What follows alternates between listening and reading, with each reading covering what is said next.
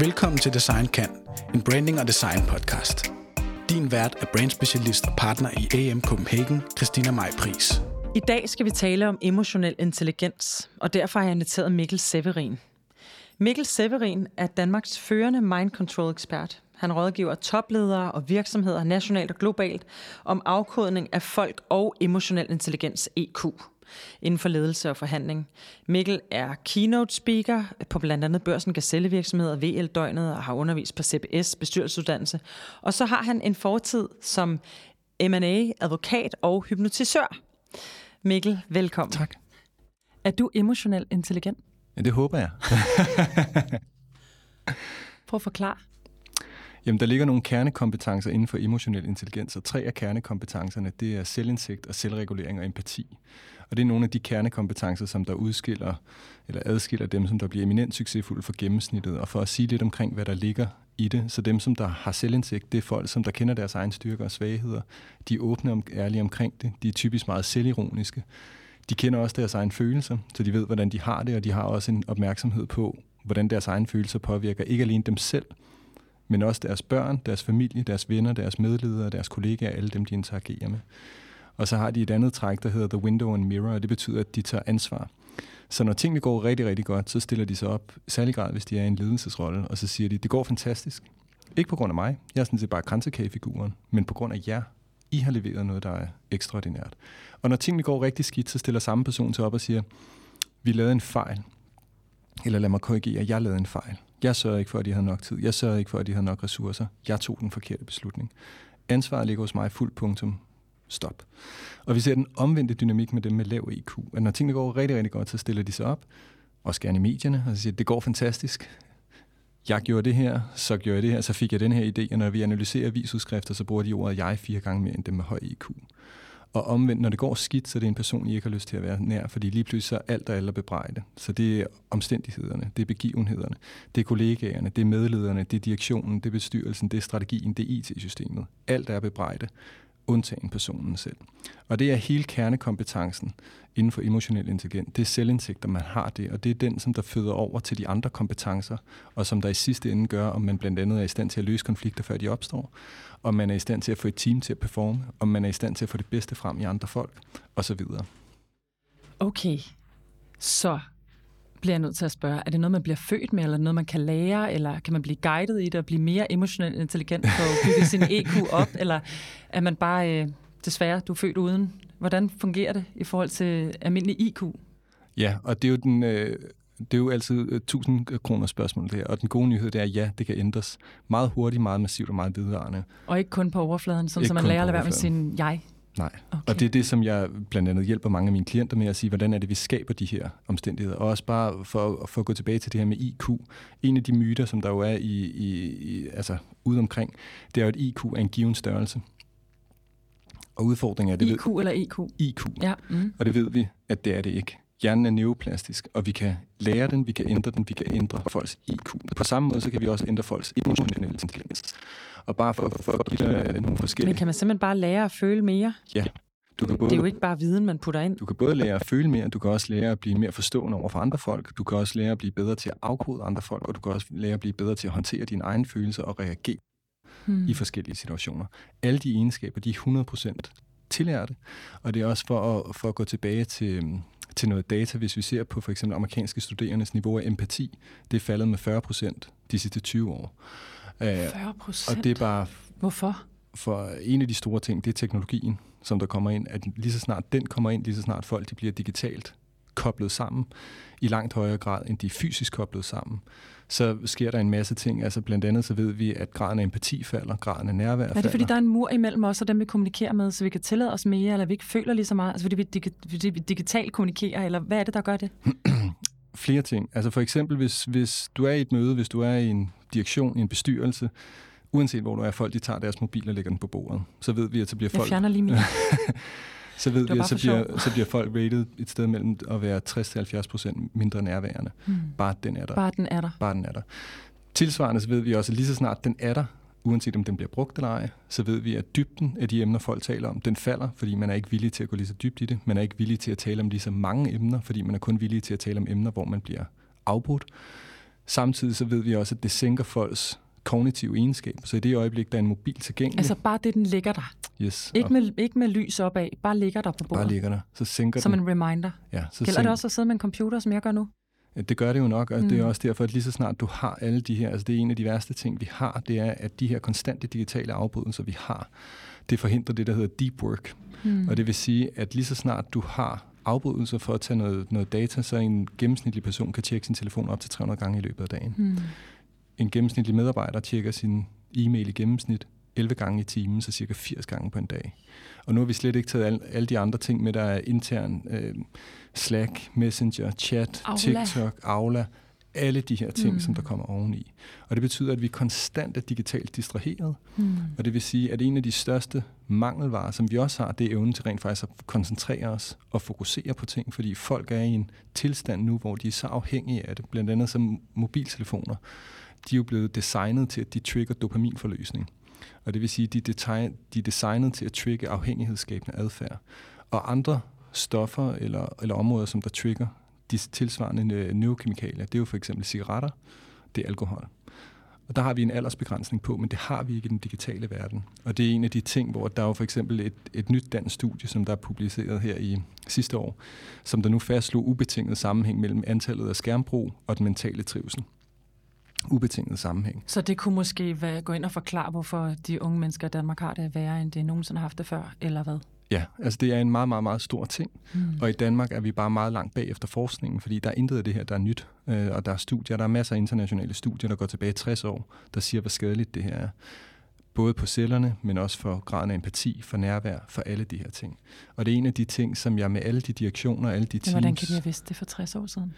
Men det er det, som du kan sige, lagtiden på de her ting, det er typisk 60 år. Så Mhm. hvis du tager nogle andre eksempler, så for eksempel cigaretter, Hmm. det vidste man i 60 år var sundhedsskadeligt, før man begyndte at gå ind og regulere det. Bly i benzin, hvis man i 60 år var sundhedsskadeligt, før man gik ind og regulerede det. For der er så store modstridende interesser Hmm. for at forsøge at undertrykke det her, Der er money. og der er rigtig, rigtig store penge Ja. i det her. Ja. Så før vidensniveauet bliver hævet, så ser vi ikke nogen rigtig store forandringer i det her. Vi skal virkelig have konsekvenserne helt ind. Ja, og okay. det er også derfor for eksempel i, i USA, så ser man, at nu fireårige børn i Philadelphia en undersøgelse, 75 procent 75 procent af dem, de har en smartphone. Fireårige børn. Fireårig. Fireårige Hvor meget, børn. hvor meget siger du? 75 procent. Hold da op. Og du sagde 40 procent 40 procent var blevet dårligere yes, på deres empati. Yes. Og det er en af de her ting, hvor alle de her ting, de er koblet til, og bare det, at vi introducerer det her, så falder graden af nærvær. Og det vil sige, for eksempel så er der nogen, som der er, øh, det, det er en af mine favoritter, det er, når folk de er på en restaurant, og så ligger de mobilen på deres på bordet, og ligesom for at være høflige, så vender de den lige om, så man ikke kan se, hvis der en Altså besked lidt ligesom ind. jeg havde gjort. en besked ind, eller en sms ind, eller hvad det måtte være. Essensen er, det er, at det ændrer ingenting. Bare gør den det. tilstedeværelse, det er, at det har det, som det hedder cognitive pull, så vores opmærksomhed hele tiden søger hen på den. Okay, skræmmende. Så bliver jeg nødt til, fordi det her er jo en podcast, der i sagens natur handler om design og kreativitet og branding osv. Ja. Ja. Hvis nu vi tager kreativitet eller yes. Kreativ intelligens og peger det op imod emotionel intelligens, Yes. er der, kan du sige noget om det? Ja, og det kobler jo også til alt det her med det digitale, vi lige netop Mm. mm. har, har talt om. Fordi forudsætningen for mange kreative gennembrud, det er punkt et fokus, at folk rent faktisk sidder og fordyber sig. Der er mange, der tænker, at folk de bare øh, altså de arbejder hele tiden, hele tiden, og lige pludselig så får de en idé, der slet ikke er relateret til noget af det, som der er det store gennembrud. Det er typisk ikke det, der processen er. Typisk så er processen, at folk har arbejdet benhårdt med et emne, og så på et tidspunkt får de et kreativt gennembrud. Det, der mange gange er forudsætningen for det, og det, som vi ved i studiet, det er, at før det store kreative gennembrud kommer, så keder folk sig. Og så har de en periode, hvor deres hjerne og deres tanker har frit spil. Men det, som vi ser i dag, det er, at folk jo stort set er ude af stand til bare at stå i en kø for at øh, skulle i nogen, biografen eller i, te- i teateret. At der er hele tiden den her narkomanadfærd, mm. hvor folk konstant skal tjekke, er der lige kommet en vigtig besked? Er der lige kommet en mail? Hvad skal jeg svare? Hvordan ser det ud? Hele tiden har vi den her konstante tilstedeværelse. Det er også noget af det, som vi ser på studier med, at hvis vi ser blandt, blandt teenager for eksempel, er noget, der bliver flagget i alle sammen, det er, at mængden af deres dybtegående relationer er meget lav. Mængden af deres overfladiske relationer er ekstremt høj. Og en af de ting, som der bliver fundet i alle de her ting, det er den her konstante digitale iscenesættelse, som de hele tiden lever under. En anden ting, vi også ved fra studiet, det er, at lige så snart du introducerer de her redskaber, så bliver graden af polarisering, den stiger, graden af hadbeskeder stiger, og graden af mobning stiger. Okay. Så tilbage til kreativitet Ja. og emotionel intelligens. Er, er, hænger de sammen? Er, de, er, det, er det... Altså, kan man på en eller anden måde drage nogle paralleller mellem de to? Er der et eller andet med, når man tænker kreativt, bruger man den emotionelle intelligens mere eller mindre? Altså, er der et eller andet, hvor man kan... Ja, det er et godt spørgsmål. Det ved jeg ikke, om der er noget studie på, Nej. som, som der ligger på det. Fordi jeg tænker, det Mm. meget af det, vi arbejder med, når vi arbejder Ja. kreativt, det er jo at kunne sætte os ind i øh, kunden, eller Yes. altså, et, et, et, et, ind og finde den der løsning. Altså, Yes. der er jo sindssygt meget empati, der skal til for og lige at kunne... præcis, og, og det er jo en vigtig pointe, du har det, fordi at på den måde, så er der en kæmpe samspil. Mm. Fordi det, som jeg ser øh, rigtig mange, det er, at, de skriver, at de er kommercielle, for eksempel. Mm. Mm. Altså siger jeg altid til dem, så spørger jeg dem, hvad er det, der ligger i det? Og mange af dem, de siger, at det må være, fordi vi går op i profit. Og jeg siger, "Jamen, jeg, jeg har ikke klienter, der ikke går op i at skabe profit, så jeg ved ikke, om det skiller ud for at være særlig kommercielle. Og de er ligesom ikke i stand til at svare på, hvad der ligger i at være kommercielle. Men lad mig sige, hvad der ligger i det fra mit perspektiv. Det er at sige, I kan umuligt være kommercielle, hvis I ikke har en meget stor grad af empati. Fordi det værste, I kan gøre, det er at begynde at designe en løsning, som kunderne ikke vil have. Ja, Begynde at sælge noget, som reelt set ikke løser et behov. Eller snyde dem til at købe noget, som de reelt set ikke har lyst til. Og i det øjeblik, man gør det, så vil folk gå derfra, og så vil de enten have købt noget, som de kommer til at fortryde, eller også så vil de købe, eller så vil de gå derfra uden at købe noget og tænke, vedkommende var altså du teknisk super kompetent. Altså de kunne redegøre for den ene algoritme efter den anden. De havde absolut ingen forståelse for vores behov. Vi kommer ikke til at arbejde sammen med dem. Mm. Det er den vigtigste egenskab for at blive kommersiel, og det er også derfor, at nogen som Forbes de konsekvent nu går ud og pusher artikler, der hedder, at emotionel intelligens og empati, særlig empati, hvor de siger, at det er den vigtigste egenskab inden Så det er den blødeste, men hårdeste egenskab i virkeligheden. Ja, og, og, og, det er en, og lige netop også i forlængelse af det, du siger, at det, jeg ser, det er, at mange gennemsnitlige virksomheder, de beskriver emotionel intelligens som om, det er sådan noget soft noget, sådan noget touchy-feeling noget. Det har de i HR. Og det, som vi ser for alle top 1% virksomheder, det er, at de siger, at der er en hardcore skill, og det er emotionel intelligens. Er det noget, der er, altså, ved, ved topledere godt det rundt omkring i Danmark og globalt? Ved de godt det her? Jeg tror, man skal sondre meget mellem, om du ser på gennemsnittet, Ja. eller om du ser på top 1%. Så hvad er status, hvis vi sådan kigger på, altså, hvilken intelligenstype er dominerende hos topledere i Danmark og globalt? Jamen altså, i Danmark og, og globalt set også, så er der jo et ekstremt stort push mod det, der hedder Peter-princippet. Og det vil sige, at man forfremmer folk til deres niveau af inkompetence. Og det typiske, det er, at du har en afdeling, øhm, for eksempel, hvor at alt har gået op i omsætning, debiterbar tid, øh, mm. debiterbare timer, hvor dygtige folk er til at sagsbehandle, hvor dygtige tekniske de er. Og så, når der er en leder, der forsvinder, så skal man jo få frem en. Og den typiske mekanisme, det er, at man får frem den, der har høj salgstal, mest ancienitet, størst erfaring osv., uden at skele til, om de har emotionel intelligens, om de er interesseret i at være i rollen, og hvilken motivation de har for at være leder. Og det er Peter. Og det er Peter-princippet. Mm. Mm. Det er en, som der hedder Peter Drucker, som der øh, kom op med det for mange år siden, en af de meget kendte managementkonsulenter. Og hele essensen, det er, at når det sker, og man får frem af folk til niveau af inkompetence, så får man dysfunktioner Hmm. over det hele.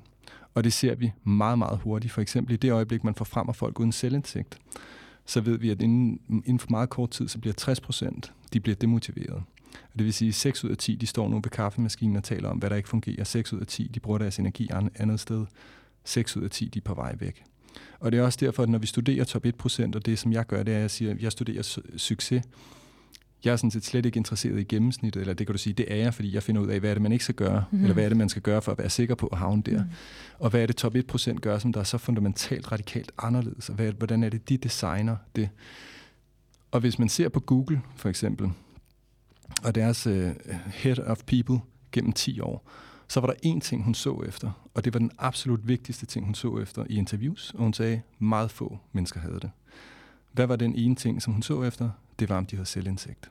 Okay. Det var det, de blev Hvordan rekrutteret pokker på. tjekker man, om folk har selvindsigt? Ja, nogle af de ting, som man spørger om, det er at sige, hvordan vil dine tidligere kollegaer Hmm.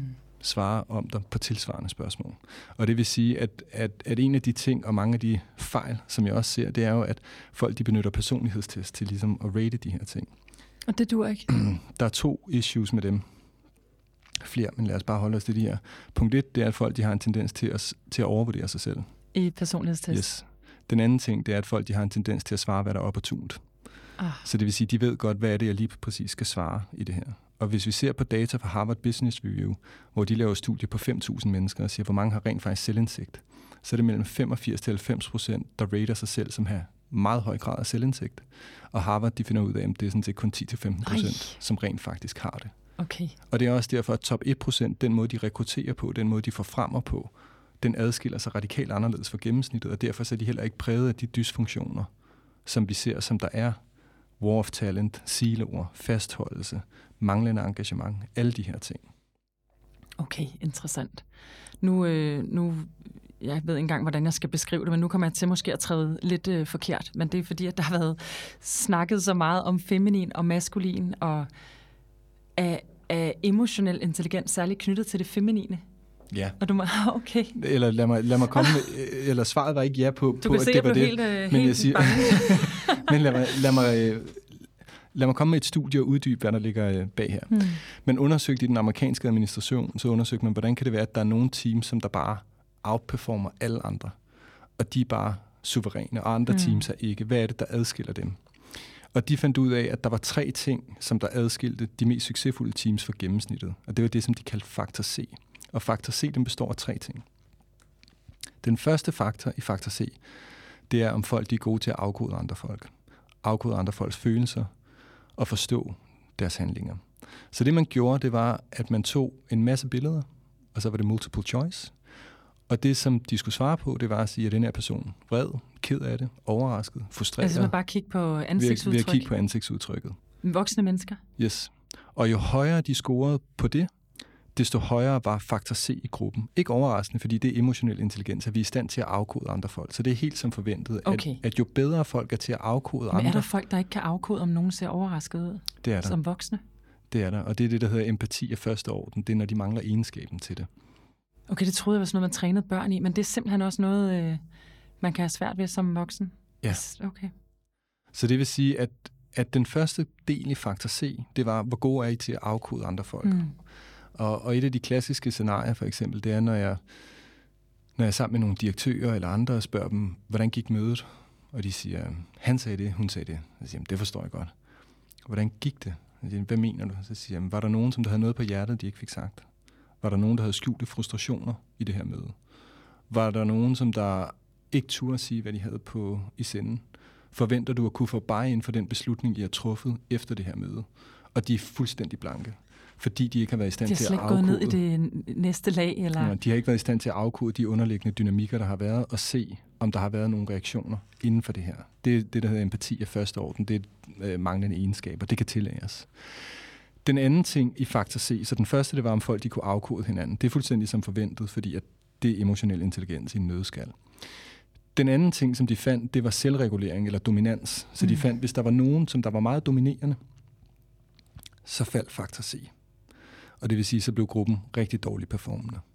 Og det er også helt som forventet. Altså hvis der er stor øh, diskrepans i forhold til niveauet i gruppen, eller at der... Ikke nødvendigvis niveauet, men hvis der var nogen, der var meget dominerende. Så det okay. vil sige dominerende ved, at de hele tiden afbrød. De mm. hele tiden tog taletiden. De hele tiden fokuserede på deres egne behov, og så videre udskammede andre, eller på anden måde. Hvis de var dominerende i gruppen, så faldt faktor C rigtig, rigtig, rigtig hurtigt. Og det er også derfor, at vi ved fra andre studier noget, der hedder sociometrics, hvor at man giver team øh, målere på, som der kan måle, hvem de taler til, hvor meget de taler til, energien i deres stemmeføring osv., så, videre, så ser vi, at de bedst performende teams, det er nogen, hvor alle sådan set har lige meget taletid.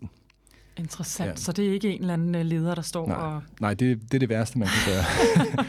så det er fuldstændig som forventet også, at vi finder denne her øh, dominans. Også fordi, at en af kernekompetencerne, som jeg nævnte til at starte med i podcasten, det her selvregulering, mm. det er at sige, hvordan er det, man er i stand til at håndtere sine egne følelser. Og når man ikke er i stand... Og behovsudsætte vel også. Yes. Og når man ikke er i stand til, til det, så er man en, hvor folk vil blive beskrevet som utilregnelig, ved ikke, hvor jeg har dem, har dem vedkommende, tækkende bombe, spontant aggressiv, hæver stemmen, rutter med øjnene osv. Alle de her dominanstræk. Og det er også tilbage til en anden ting, som, som jeg kan nævne her omkring det, der hedder Bad Apple Studies, som der også går i, for, i forlængelse af det her, hvor at man har skuespillere, man har teams sat sammen, der skal løse forskellige opgaver, og så får man så en skuespiller ind i hver af grupperne. Det ved grupperne selvfølgelig ikke. Og skuespillerens opgave det er at spille en, som der har lav selvregulering med meget dominans. Så det er det samme. Lav selvregulering, stor dominans. Og vedkommende bliver så sat ind i de her grupper. og ingen i grupperne aner, at det er en skuespiller, der kommer ind og spiller den her rolle. Og det vi ser, det er, at teamets performance med det samme falder 30-40 procent, lige så snart den person kommer ind. Og det er jo i kontrollerede studier, og jeg er også her for at sige, at i virkeligheden, så er det en markant større negativ effekt, som vi ser. Men det er det, der hedder Bad Apple Studies. Hvor skal man så gøre de mennesker med den der kæmpe dominans og øh, manglende selvregulering? Essensen er, at top 1% rekrutterer jo efter folk, der ikke har det. Mm. Og det er jo også derfor, at de designer deres virksomheder helt radikalt anderledes i, hvad det, de har værdier, hvilken standard sætter de, hvem rekrutterer de, hvem forfremmer de. Og det er også derfor, de ikke er præget af alle de ting, som gennemsnittet har. Så top 1%, de har 500 mand, 5.000 mand, eller hvor mange de har, og alle sammen løber i samme retning, uden noget ego, og alle sammen kan i fællesskab løse problemerne, i modsætning til de her siloer, war of talent, tilbageholdelse af information osv. Men lad os gå tilbage mm. til faktor C, fordi nu har vi været inde på, om de kunne afkode folk, og den næste, det var, om de var dominerende. Så hvis de kunne afkode folk, så steg faktor C ikke overraskende, for det er emotionel intelligens. Hvis de var meget dominerende, eller sagt på en anden måde, hvis de havde lavet selvregulering, så faldt faktor C. Mm. Ikke overraskende, fordi det er også emotionel intelligens. Den tredje faktor... Kan man være begge to? Vil man kunne være som menneske både indhold etteren og toeren? Du kan sige, at meget af det, som der sker, det er, at folk ændrer sig også omkring de øh, stimuli, de er i, og det miljø, mm. de er i. Og for eksempel så ved vi, at i det øjeblik, folk bliver stresset, så falder deres emotionelle intelligens. Okay. Og så falder deres niveau af selvregulering, medmindre de er meget trænet i det her ting. Den tredje faktor, de fandt i det her studie med faktor C, det var kvinder. Og de fandt ikke, at vi bare skal have 10%, vi skal have 20%, vi skal have 40%, 50 eller 70. De sagde bare, jo flere kvinder, jo bedre, punktum, fuld stop. Så steg faktor C. Så er der altid nogen, der rækker hånden op og siger, kan det være rigtigt? Og essensen det er, at det er fordi forskerne de spekulerede også over de her studier, eller resultaterne og konklusionerne, de var, de var overrasket, og ikke sådan helt tilfredse med, hvad de fandt. Det Så det, som de så skriver længere ned, det er at sige, at grunden til, at vi finder kvinder, det må være fordi, at mange kvinder de er opdraget til at være mere empatiske, mere forstående og mere socialt intelligente. Så det vi efterspørger, det er ikke nødvendigvis kvinder, men det er mænd eller kvinder, der har de som der har de her socialt intelligente kompetencer. Så hvad er faktor C? Faktor C er bare en ren omskrivning af emotionel intelligens. Hmm. De måler det på at sige, kan vi afkode andre folk? Er der nogen, som der har lav selvregulering eller er meget dominerende? Og så kvinder, som de i bund og grund siger, om det er mænd eller kvinder, der bare har de her socialt intelligente kompetencer. Man kan i virkeligheden måske sige, den der feminine, det feminine, Altså hvis man skal ja. definere de to, som ikke er hægtet på køn, men bare feminin og maskulin energi, eller... Ja, og jeg tror, at man, man skal være varsom med det, fordi hvis du... Altså, og, og hæfte det op på kønsdebatter, og Jamen, bare for, for, at give dig, for at give dig et, et eksempel på det. Når vi ser på dem, der sidder og forhandler med gisler, dem, der sidder mm. og forhandler med terrorister, de bruger emotionel intelligens. Så det er bare for at sige, at der sidder de med hardcore sociopater, psykopater, som der halshugger folk, voldtager kvinder, og der sidder teams for FBI, CIA rundt omkring i hele verden, eller fra andre nationaliteter, og de benytter hardcore emotionel intelligens for at få de resultater, som ja. de skal have. Ja. Så det er bare for at sige, at mænd og kvinder har det, og mm. det kan kultiveres i alle retninger. Hvor god er faktor C så til at forudsige en gruppes performance i forhold til den gennemsnitlige IQ, eller den højeste IQ, fordi heldigvis har vi jo ikke firmaer i Danmark, der rekrutterer på baggrund af IQ-test eller et gennemsnit for universitetet eller tilsvarende. Den er to en halv gang til fem gange så god til at forudsige det. Og det betyder også, at IQ så er ikke vigtigt. Jo, det er sindssygt vigtigt, men det er det, som der hedder en, en threshold capability, altså en adgangsgivende barriere. Og det, som der er hele essensen, det er at sige, når folk først er dygtige nok, så er det ikke det, som der adskiller dem til, om de bliver succesfulde. Så vi tager det for givet, at folk er dygtige nok. Og dem, som der så bliver exceptionelt succesfulde, det er dem, der er dygtige nok, plus de har alle de her emotionelt intelligente kompetencer. Så det svarer lidt til at stille spørgsmål, der hedder, hvad er vigtigst på en bil? Er det forhjulene eller baghjulene? Hvor essensen det er, at begge skal fungere, for at vi har en bil, der kan køre fremad. Og også i forlængelse med, med denne her, altså hvis, hvis du trækker det ind i kønssnakken, og hvorfor man også skal være varsom på det, så øh, kunne det være interessant at nævne en, som der hedder Carol Dweck, som der er, hun er professor på Stanford University og har lavet enormt meget forskning i det, der hedder growth mindset og fixed mindset. Mm. Og hvor dem, der har et fixed mindset, det er dem, som der tror, at sådan, talent, capabilities, evner, social intelligens, det er givet for barns ben. Det er en fast egenskab, men man kan bare ikke gøre noget ved det. Og det vil sige, at når de har et nederlag, så tager de det meget personligt. De Øh, gemmer sig bag, hvis de har begået en fejl. De tør ikke at tale om det. Hvis de skal bruge deres energi på noget for at blive bedre, så tænker de, det er fordi, jeg ikke er talentfuld nok. og derfor så skal jeg bruge energi. Fixed mindset. Ja. Hvor dem, der har et growth mindset, det er dem, som der siger, okay, alt er fleksibelt, så jeg kan sådan set bare lære noget, men det kræver, at jeg rent faktisk bruger tid og gør mig dygtigere til det. Og når jeg skal bruge energi på det, så er det jo klart, fordi at altså hvis jeg ikke har lært at spille guitar, så er det jo klart, så skal jeg bruge tid og koncentreret fordybelse, mm. for at jeg kan lære at spille guitar. Og hver gang jeg fejler, så er det sådan set ikke et personligt nederlag. Så er det bare feedback, der får mig til at reflektere over, denne her vej virkede ikke, så nu må jeg finde en anden vej, som der virker. Og det er også derfor, at vi ser det samme igen og igen for alle dem, som der opnår massiv succes.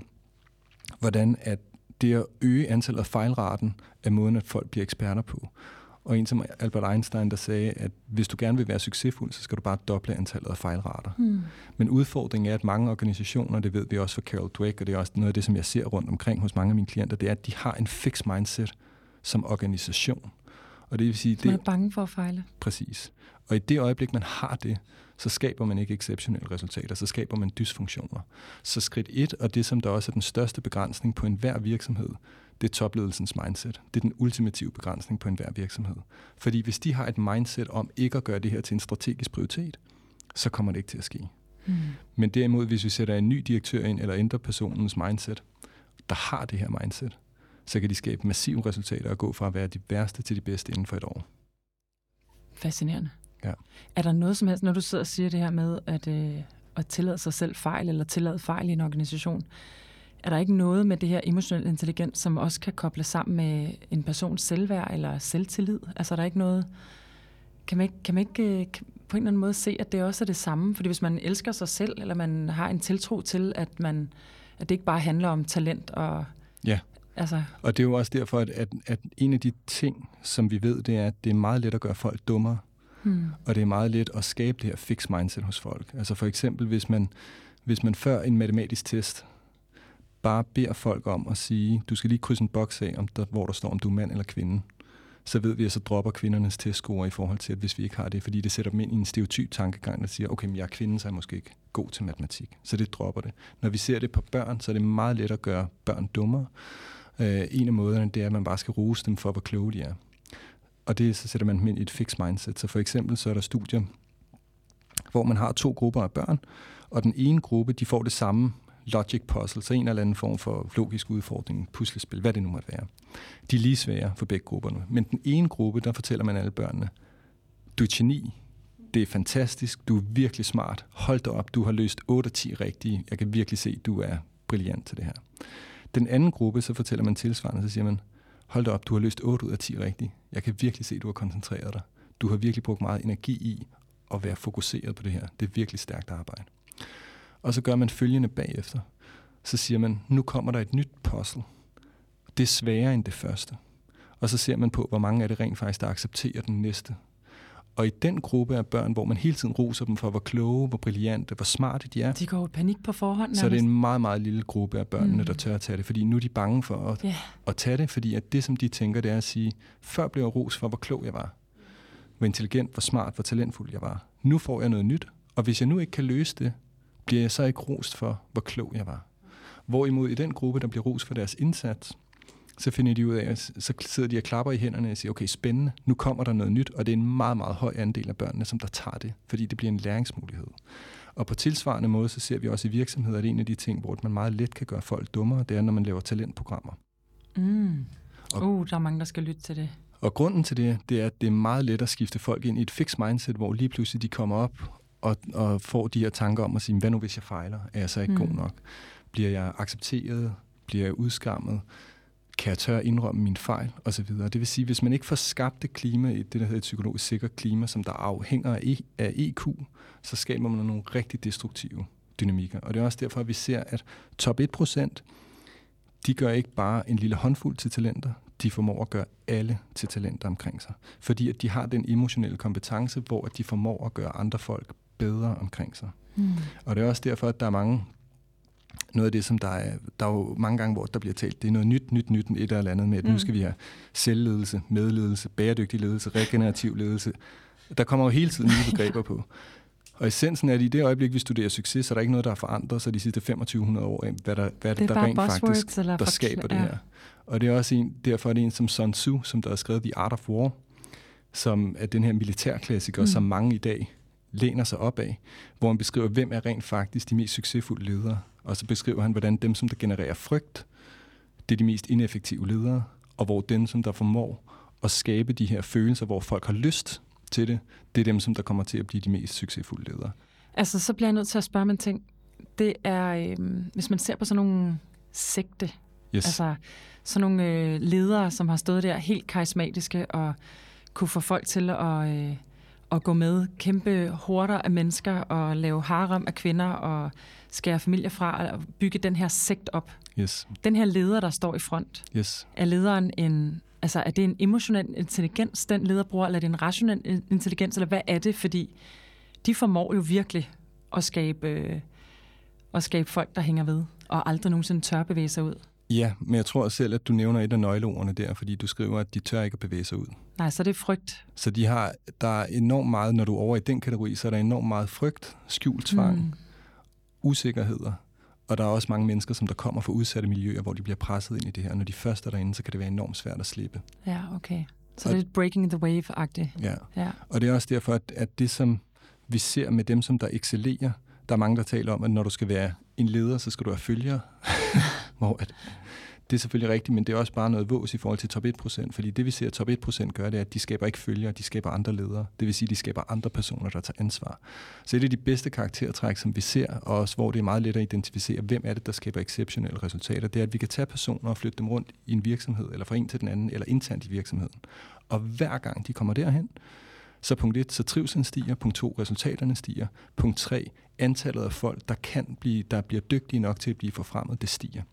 Så vi ser, at en af de ting, som der er meget let at se på, det er at sige, at den forfremmelsesrate, som folk er i stand til at generere, er den højere eller lavere end gennemsnittet. Fordi exceptionelle ledere, de formår at gøre alle omkring sig til talenter, og det vil sige, at de ser også en langt, langt højere forfremmelsesrate på deres team, i deres afdeling, hvor de er, fordi at de formår at gøre folk bedre. Så en leder behøver ikke at stå på en ølkasse og råbe højt og fylde meget og Altså det, det er ikke, der er ikke et krav om, at, øh, at det skal være en enorm karismatisk øh, leder, der ligesom kan få flokken til at følge men det handler egentlig om at, at lære ja. de mennesker, de har i deres Ja, og jeg tror, at, at der er jo nogen, som der er enormt karismatiske, mm. og det er, der er også en, en, øh, en misforståethed omkring, at man skal ligesom op på en ølkasse, før man kan være en leder. Mm, yeah. Det, som der er den vigtigste, altså der er to ting, som der skal ske for alle de succesfulde organisationer. Det ene, det er, at alle dem, der sidder på toppen, de har al autoriteten, så de kan træffe beslutninger om retning og hvad de skal gøre, strategi osv. De har ikke informationerne. Hvor medarbejderne, de har alle informationerne, de kender kunderne, de kender produktet, de ved, hvad er det lige præcis, vi vil kunne ændre i dag, som der rent faktisk ville kunne lette vores hverdag eller hjælpe kundernes hverdag. Så to ting skal ske. Det ene det er, at informationen skal gå op. Det andet det er, at autoriteten skal gå ned. Og det vi ser, det er tilbage til de her kompetencer, at når man sætter en ind, der ikke har selvregulering som leder, så kommer personen til at lide af det, der hedder CEO-sygdom. Mm. Og det betyder ledelsessyge, eller, og, og mekanismen det er, at de kommer til at lede i et informationsvakuum, fordi folk de ikke tør at komme med den kritiske og nødvendige information, som der er, på grund af, at de frygter, hvordan personen vil reagere. Vi ser det samme, uanset om vi studerer børn, uanset om vi studerer militæret, uanset om vi studerer hospitaler, uanset om vi studerer den offentlige eller private sektor. Og bare for at, at sætte det i perspektiv, for eksempel hvis I kender nogen, der skal opereres, eller har en kritisk operation, så kan det være en rigtig god idé at sige, hvad er, hvad er overlægens niveau af selvregulering? Hvorfor? Fordi vi ved, når den er lav, så punkt 1, antallet af dødsfald stiger, punkt 2, antallet af fejlmedicinering stiger. Og årsagen det er, at alle sygeplejerskerne, som der for eksempel har set, hov, den her medicindosis, den ser ud til at være dobbelt så høj, eller vedkommende fik det ikke i går, de har ikke længere lyst til at sige det, fordi sidste gang de sagde det, så blev de sat på plads og sagde, det er slet ikke dit område, du er sygeplejerske, for eksempel. Og det vil sige, at vi ser både dødsraten og fejlmedicineringen, den stiger. Så den, det er den der protektuøse ledelsesstil? Yes. Ja, okay. Den anden ting går tilbage til at sige med, om de skal op på ølkassen. Mm. Det skal de ikke nødvendigvis, men der er en ting, som de skal, og som der er helt, helt, helt afgørende for ledere. Og det er, at de har en klokkeklar vision om, hvor de skal gå hen. Og det er det, man inden for militæret hedder commanders intent. Og det vil sige, at den intention, den idé skal kommunikeres ned gennem hele organisationen, mm. sådan at alle ved det på alle niveauer, hvad er det, der skal gøres. Fordi at når den er der, så kan teamsene blive selvledende, altså det vil sige, så kan de selv træffe de beslutninger, som mm. understøtter strategien. Så der er tre kriterier for, at man kan skubbe autoriteten ned. Det ene det er, at folk de er dygtige nok. og det er sjældent der, hvor skoen trykker. Så den anden ting, det er at sige, at der skal være emotionel intelligens på teamsene, fordi ellers så får vi interne dysfunktioner. Den kan godt være et issue. Den tredje ting, der skal til, og som jeg altid stort set identificerer som et, som et problem, det er, at der er ingen fuldstændig klokkeklar strategisk retning fra toppen om, hvad, hvor er det rent faktisk, man skal hen. Hmm. Og det vil sige, at den skal være helt klar, før man kan gøre det. Og bare for at sige et godt eksempel, det er uh, Southwest Airlines, som der er et af de uh, meget kendte flyselskaber i USA, en, en top 1 case. Og der er blandt andet en interessant historie, hvor at der var en, der spurgte en stewardesse i flyet, og siger, jamen skal vi ikke også have noget kold mælk ombord i nogle køleskab på det her? Og siger hun, men ved du hvad, det er godt, du spørger. Det kan vi ikke. Og her er årsagen. Det afhænger af vores strategi. Det er på grund af, at vores strategi, det er, at vi hurtigt, når vi kommer på jorden, så skal vi være i stand til hurtigt at få flyene op i luften igen. Hvis vi nu har køleskab ombord, så kan det være, at de går i stykker, og når vi gør det, så skal vi have mekanikere op, eller andre, som der kommer og reparerer det her. Og det vil sige, at for at vi kan efterkomme dit krav om det her, så skal vi gå på kompromis med vores strategi, fordi vi risikerer, at flyene skal være længere tid på jorden, og det er ikke det, der er vores overordnede mål. Prøv at tænke dig, hvis alle i virksomheden havde den klarhed, hvor de rent faktisk kunne træffe beslutninger og informere om det. Mm. Og en af de ting, som jeg ser rigtig mange steder, det er både det, jeg kalder hemmelige ledelsesprogrammer og også hemmelige strategier. Og hvis vi bare tager en hemmelig strategi, så kan du spørge dig selv og sige, hvor stort kendskab har topledelsen til det? Og typisk så vil de nok have måske 100 procent, fordi de har måske været i gang i et år, eller to år, eller et halvt år. De har været til møder, de har sparet med det, de har haft nogen indover. De kender virkelig strategien. Så går man bare et niveau ned i ledelseslagene. Mm. Hvor stor er kendskabsgraden rent faktisk til strategien der? Den er måske 50 procent, måske 80 procent. Men når du dropper et niveau længere ned, og når du til sidst kommer ned til alle dem, der sidder og eksekverer, så er den stort set ikke kendt. Og det vil sige, det som mange gør, hvor at, at jeg har klienter for eksempel, som der siger, jo, alle medarbejdere kender det, fordi vi har udsendt en PowerPoint omkring det. Vi har, ud, vi har udsendt en, en mail omkring det. Og der kan man lige så godt lade være. Mm. Fordi at vi ved fra studier, at folk skal i hvert fald høre det 6-7 gange, før de begynder at tage det ind. Og den anden ting, det er, at mange de begynder at udsende nogle dæk, som der måske er på 50 sider hvor det bliver så ukonkret, at det bliver ikke eksekveret på. Og det er også derfor, at hvis du tager inden for militæret, at så har de for eksempel i Navy SEALs i USA, så siger de, complexity is the enemy of execution. At i det øjeblik, du gør noget så komplekst, så er der ikke nogen, der bliver i stand til at eksekvere på det. Og derfor så ser vi også, at den top 1% for alle virksomhederne, det er, når de er i stand til at lave deres strategi på en side. Man siger, det her det er vores strategi, og det er den, de sender ud til alle, og det er den, de kommunikerer efter og taler om konstant. Hvorimod dem, som der sørger for at opnå gennemsnitlige resultater, de sender det ud en gang, og så sender de en, en PowerPoint på 50 eller 100 sider, eller hvor langt det nu måtte være, hvor der står side op og side ned på det, og ingen er i stand til rent faktisk ud fra den at navigere og sige, okay, hvordan hjælper det mig i forhold til, hvad beslutning jeg skal træffe i morgen, for at vi kan understøtte den her strategi. Jeg vil høre en militærforsker øh, komme med nogle pointer på det der, og han refererede til øh, Spice Girls, so tell me what you want, what you really, really want. Ja. Og sagde, hvis man kunne lave strategien så klar, ja. så man virkelig ikke var i tvivl ja. hele vejen ned igennem organisationen, så kunne man så kunne det virke, yes. og ellers så kunne det ikke virke. Nej. Og det overraskede mig, fordi vi sidder jo hver dag i vores, øh, i vores fag og tærper store strategier igennem for kunder, som vi skal oversætte med ja. design. Og det er jo enormt komplekst. Ja. Og det, og det er en af de ting, hvor at, at der er jo også mange, som der slet ikke har en strategi. Altså mm. det kan godt være, at de har fået et eksternt konsulentfirma på, at de eksternt eller internt kommunikerer, at de har en strategi. Mm. Men det de har, det er i virkeligheden high-level tactical goals. Mm. Hvor en strategi, det handler om, at du har tre ting, som du rent faktisk kan navigere efter, når der står usikkerheder. Og så kan du alle de her delmål, som mm. der kommer ind.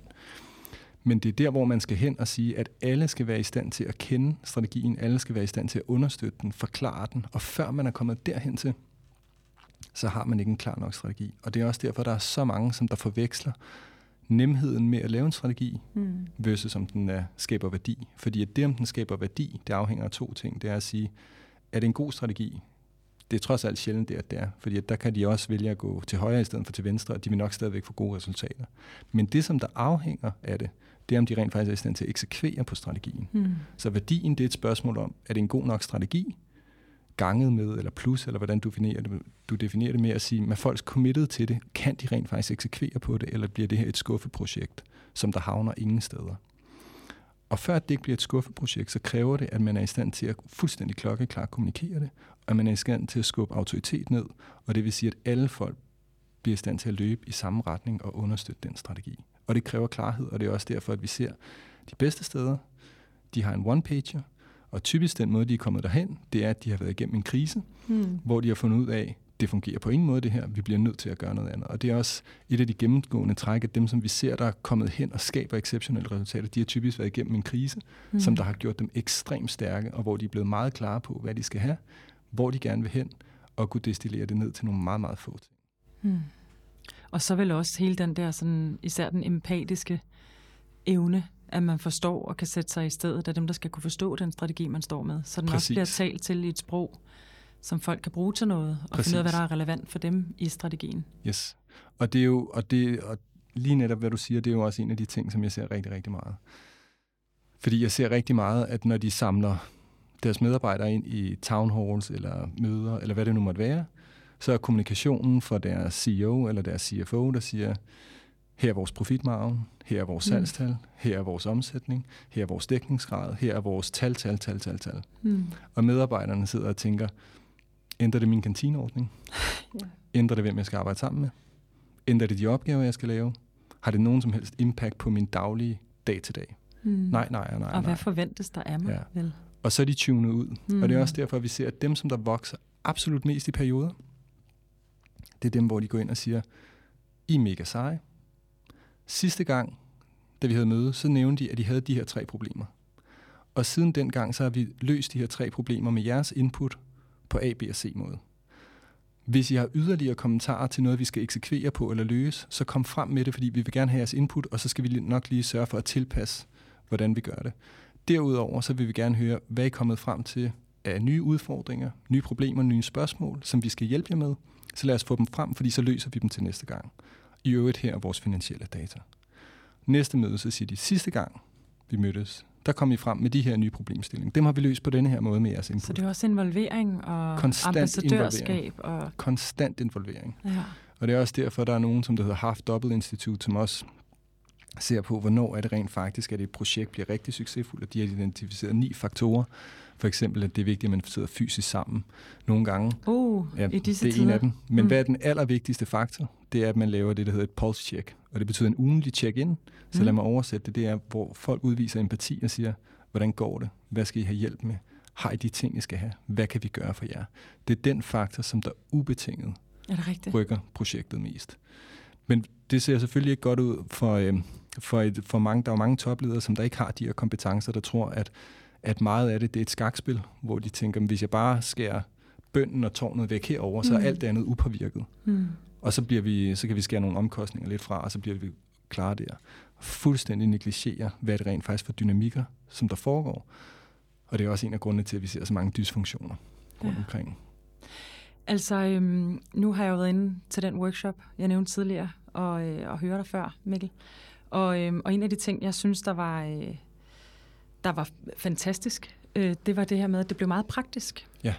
Du kom med nogle meget praktiske øh, sådan værktøjer til, hvordan man kunne øh, kommunikere eller lytte bedre, var yes. det især. Øh, er der et, et, et, man, kan, man kan man sige, den vinkel, vi har på nu, er der nogle praktiske værktøjer, du kan give videre? Er der noget, man som leder, eller nu er der også rigtig mange øh, designer, der selvfølgelig er med på det her, er der noget, et eller andet, øh, hvor du tænker, det her vil jeg gerne give videre, der, det her værktøj kan du gå ud og bruge nu, eller det her kan du bruge i din organisation, eller i dit arbejde, eller blandt andet øh, lær at kede dig. Ja. burde, jo være, øh, burde jo være værktøj nummer et. Stil dig i kø, ja. så længe som muligt. Og, hvad hedder, og der er jo rigtig mange gode ting også. Altså hvis vi skal tage noget konkret her også, hvad man kan gøre, hvis man for eksempel er leder eller noget. Der er enormt mange, der bliver trænet til at sige, det er vigtigt at sige din mening, hvor det er, sådan, det er noget af det sidste, du skal gøre at der er mange, de kommer ind til bestyrelsesmøder eller direktioner og siger, okay, jeg tænker, vi skal gøre det her, hvad tænker I andre? Mm. Hvor det er sådan, der har du ligesom ødelagt det.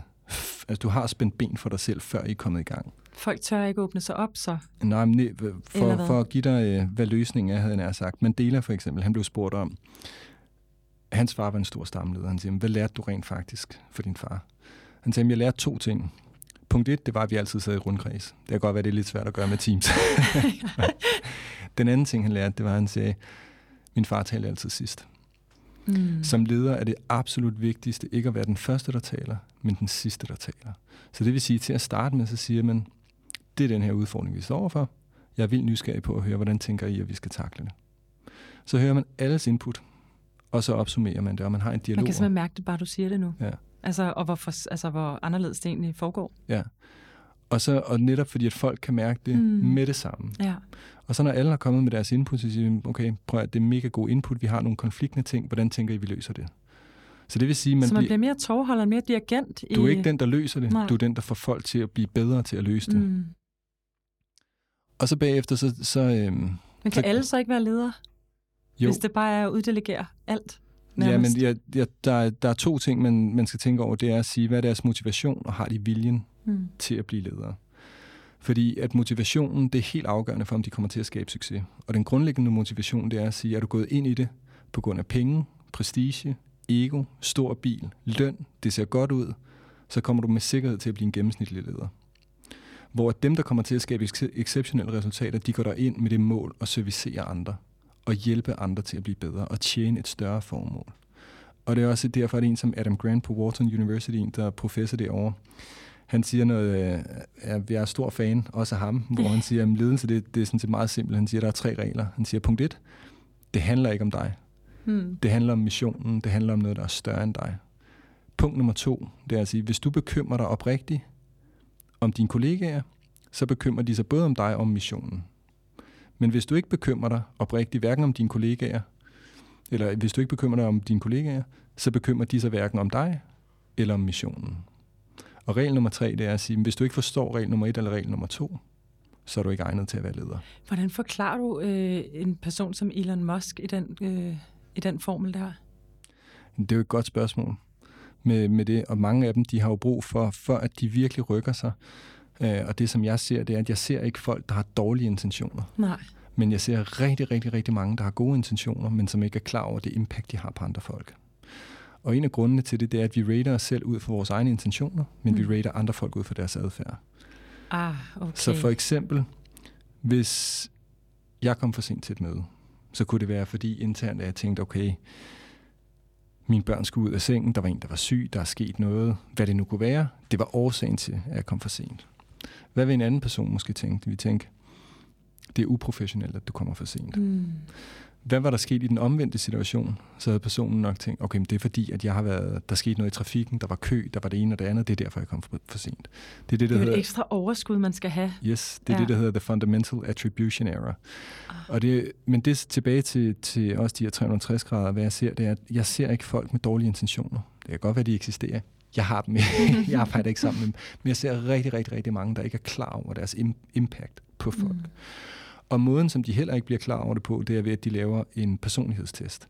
For for eksempel så ser jeg, at jeg arbejder sammen med mange teams og direktioner, hvor at, at et af de gennemgående feedback, det er, at folk de tænker sådan, jo, vi har været igennem disk, empati, hvad det nu måtte være, og de har udmærket styr på, hvilken personlighedstype de har.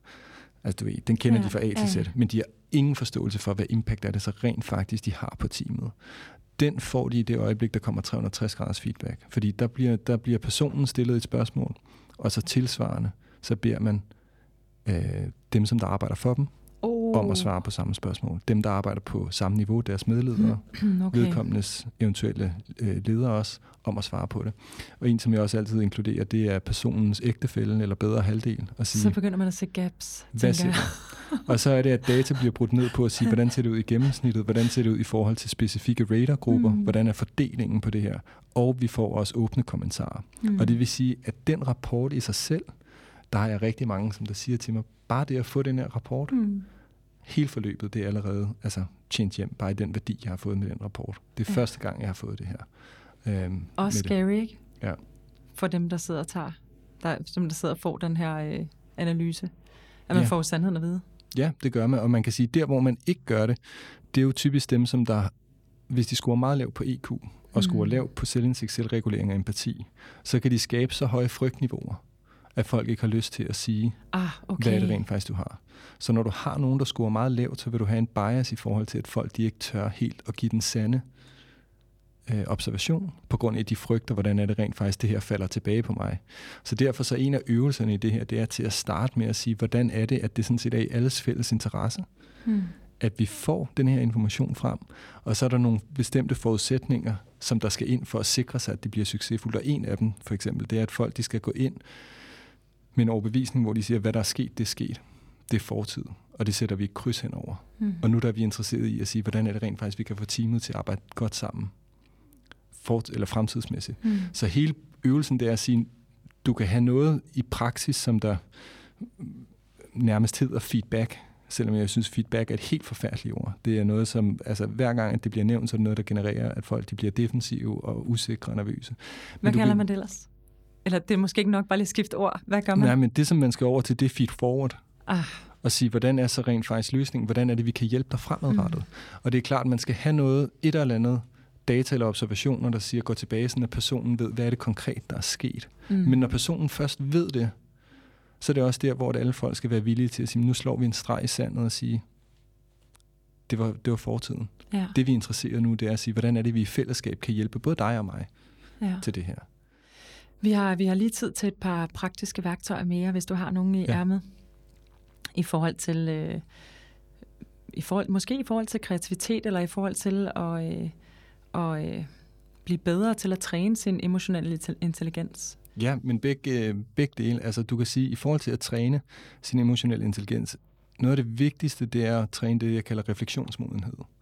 Og det vil sige, begynde ligesom selv at stille sig spørgsmål. Så en simpel øvelse, det kan være i slutningen af dagen at sige, agerede jeg egentlig optimalt? Eller var der måske nogle ting, når jeg tænker over det, hvor at, at det var måske ikke så optimalt? Og hvis man kommer frem til, at der var noget, som der ikke var så optimalt, så er det der, hvor man skal begynde at tage ansvar dagen efter og sige, ved du hvad, jeg tænkte over det, jeg gjorde i går. Det er jeg faktisk ked af. Jeg tror faktisk, at jeg skal gøre noget andet fremover. Og begynde at udvise den her selvindsigt. Så simpelthen gå igennem dagen ah. og sige, hvordan var det rent faktisk? Jeg... I stedet for bare at tænke, det var ikke så hensigtsmæssigt, det, lader jeg bare, det husker jeg lige, men ikke gør noget ved det. Yes. Ja, okay og begynde at gøre det her. Og, er det noget med at ændre hjerne, eller baner i hjernen, eller er det, er det et eller andet med, at man så begynder at lave nye mønstre for sig selv, fordi det bliver sagt højt, eller fordi man mærker så, hvad personen, man, man, øh, man taler med om den fejl, eller altså, den uhensigtsmæssige sige, adfærd, man havde? Ja, altså fra et neuroscience-perspektiv, og det der sker, det er, at hjernen er det, der hedder neuroplastisk. Mm. Så lige så snart du begynder at agere i nye vaner, så skaber du også nye yes neurale forbindelser. Så det vil være en del af det, men simpelthen at begynde at reflektere over ting og tage sig tid til at overveje, hvad var mit impact rent faktisk i dag? Matchede det med mine egne intentioner? Var der noget, jeg kunne have gjort, sådan at jeg kunne have gjort mig selv mere succesfuld, eller dem, jeg arbejdede sammen med mere succesfuld? Og begynde at stille sig de spørgsmål. Og i forhold til, til også dit spørgsmål omkring kreativitet, altså der er det største blindspot, som jeg ser folk har, eller et af dem, det er folks stemmeføring ah. og sige, hvor hurtigt deres stemmeføring påvirker andre folk. Og det, der sker, det er, at hvis man har et, man kan sige præcis det samme ting, men enten så vil man fremstå som en, der er varm, imødekommende, hjertelig, åben, empatisk, og omvendt kan man sige præcis det samme, og man vil blive opfattet som arrogant, dominerende, dikterende osv. Kan du komme med et eksempel? Hvis der er en, der siger øh, ordene og siger, kom over her. Det kan være, kom over her. Mm. Spændende nysgerrig. Og det kan også være, at du er et helt andet sted, hvor det er sådan, kom over her, eller kom herover, hvor det er dominerende. Og lige så snart man gør det, så trigger man det, der hedder amygdala hos den anden person. Det er hjernens kamp- eller flygtcentral. Og det er sådan en lille mandelformet ting inde i hjernen. Og når den bliver aktiveret, så sker der det, at den nedlukker den præfrontale cortex. Det er den forreste del af hjernen, hvor vores rationelle tænkning sidder. Og det vil sige, at i det øjeblik, du gør det og trigger de her negative følelser, så gør du også folk de facto dummere. Mm. Og hjernen fungerer op til 31 procent bedre, når folk de er et positivt mindset, end når de er negativt neutrale eller stresset. Og det vil sige, at være i stand til at mestre sit eget stemmeføring. Det er en af de Har det så stort impact? Ja. Det er en af de absolut største sådan black ninja skills, rent faktisk at gøre. Og det er også derfor, at folk de kan mærke, du kan ringe herfra til Asien eller USA, og så i det øjeblik, at folk tager telefonen, så kan du mærke, om den anden person smiler. Ah. Fordi det kan du simpelthen høre i stemmen. Det har enormt stor effekt, også på de kemikalier, der bliver frigivet, og det er også derfor, at ved at arbejde det her ind, så kan man faktisk servere en hjernecocktail, ikke alene for en selv, men også for det team, man arbejder sammen med. Jeg håber, folk derude kan mærke, at vi smiler. ja. ja. Nå, okay, så det, altså, det er, jo, det er jo noget, man virkelig konkret kan arbejde med med det samme. Man kan virkelig konkret beslutte sig for at smile, når man siger noget. Eller, Yes.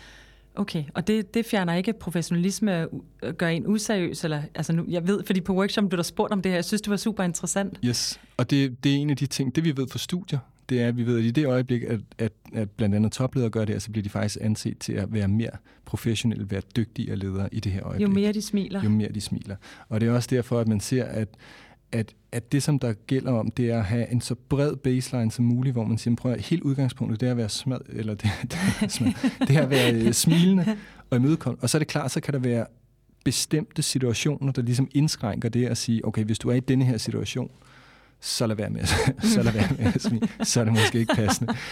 Men hele udgangspunktet, det er at sige, at det er den, vi skal have, fordi det er det, som der fremmer samarbejde. Det er det, der Mm. fremmer, at folk føler sig trygge. Det er det, der fremmer, at folk får lyst til at dele information. At de har Mm. lyst til at tilsidesætte deres eget ego, og så videre. Og der bliver frigivet alt fra endorfiner, dopamin, en masse ting i hjernen, når folk gør det her.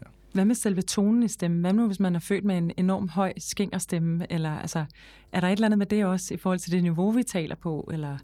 Yes, og, og det er jo også derfor, at der er jo, øh, hvis du tager sanger, så går de jo også til stemmetræning. Mm. Og det er jo en af de ting, hvor der er nogen, når de ser sig selv på video første gang, at så får de jo et chok over, hvordan de rent faktisk lyder. ja. Og mange gange, så er det måske det, der skal til, hvor, det er en af de, grundene bliver, til at aldrig høre vores podcast. hvor, de, hvor de bliver opmærksomme på det selv. mm. Så ja, det kan ændres. Og meget af det, det handler også om at sige, jamen, til at starte med, hvis folk går ind med et mindset om at sige, prøv at jeg har ret, du tager fejl, det er bare min agenda, der skal fremme, så kommer de enormt hurtigt over til at være denne her fremstå dominerende aggressivt, og det Mhm. bonger ud i deres stemmeføring. Hvorimod, hvis de går ind med et mindset, der siger, måske tager jeg fejl, Ja, jeg er faktisk ret nysgerrig på at finde ud af, hvad er det, den anden person tænker. Hvordan kan det være, at de tænker noget, som der er modsat mig? Måske de har noget information, jeg ikke har. ja. Det kan også være, når man hører det, hvor man tænker, okay, de, altså, de er helt way ja, off. ja, det fungerer stadig ikke. Men det kan være rent faktisk, og hvilket de finder ud af ret ofte, at de rent faktisk har en god pointe. Og det vil ja. sige, at for at blive være i stand til at have den her store påvirkning, så skal man også være villig til selv at ændre sin egen opfattelse, og være villig til selv at blive flyttet i sit eget perspektiv. Det er jo, en, det er jo en, også en lidt voldsom øh, erkendelse, det her, fordi der er jo rigtig mange, der når de bliver nervøse, eller øh, de virkelig gerne vil opnå noget, de virkelig gerne vil en, altså, få en pointe ud, Ja. så kommer de til at hæve stemmen, og de kommer til at være mere sådan, øh, øh, hvad kan man sige, sådan to the bone, eller, Yes. og i virkeligheden kan det have den fuldstændig modsatte effekt. Ja. Eller hvis man bliver presset eller stresset, så bliver stemmen også mere skinger, eller, altså, så det er, jo, det er jo virkelig sådan dominoeffekten af dårlig, dårligdom. Det er det, og det, det, er, det er noget, altså, det, det er en stor øjenåbner for folk, Ja. når vi gennemgår de her, hvor de får mappet, hvordan deres stemme rent faktisk agerer i forskellige situationer, og hvad effekt det har på deres hjerner og på modtagerens hjerne, når de ser det her. Okay. Det er super spændende. Vi bliver nødt til at afrunde. Jeg har ikke meget lyst, men det kan være, at vi kan tage en øh, runde to på et tidspunkt. Ja. Øhm, så tak fordi du kom, Mikkel. Selv tak. Og tak fordi du lyttede med på podcasten Design Kan. Gæsten var Mikkel Severin. Du kan følge podcasten på Design Kans hjemmeside, Facebook-profil eller på AM Copenhagens Instagram. Afsnittet er optaget, klippet og mixet af Jeppe Volmer, og jeg håber, vi høres ved i næste afsnit, hvor vi igen vil undersøge alt det, design kan.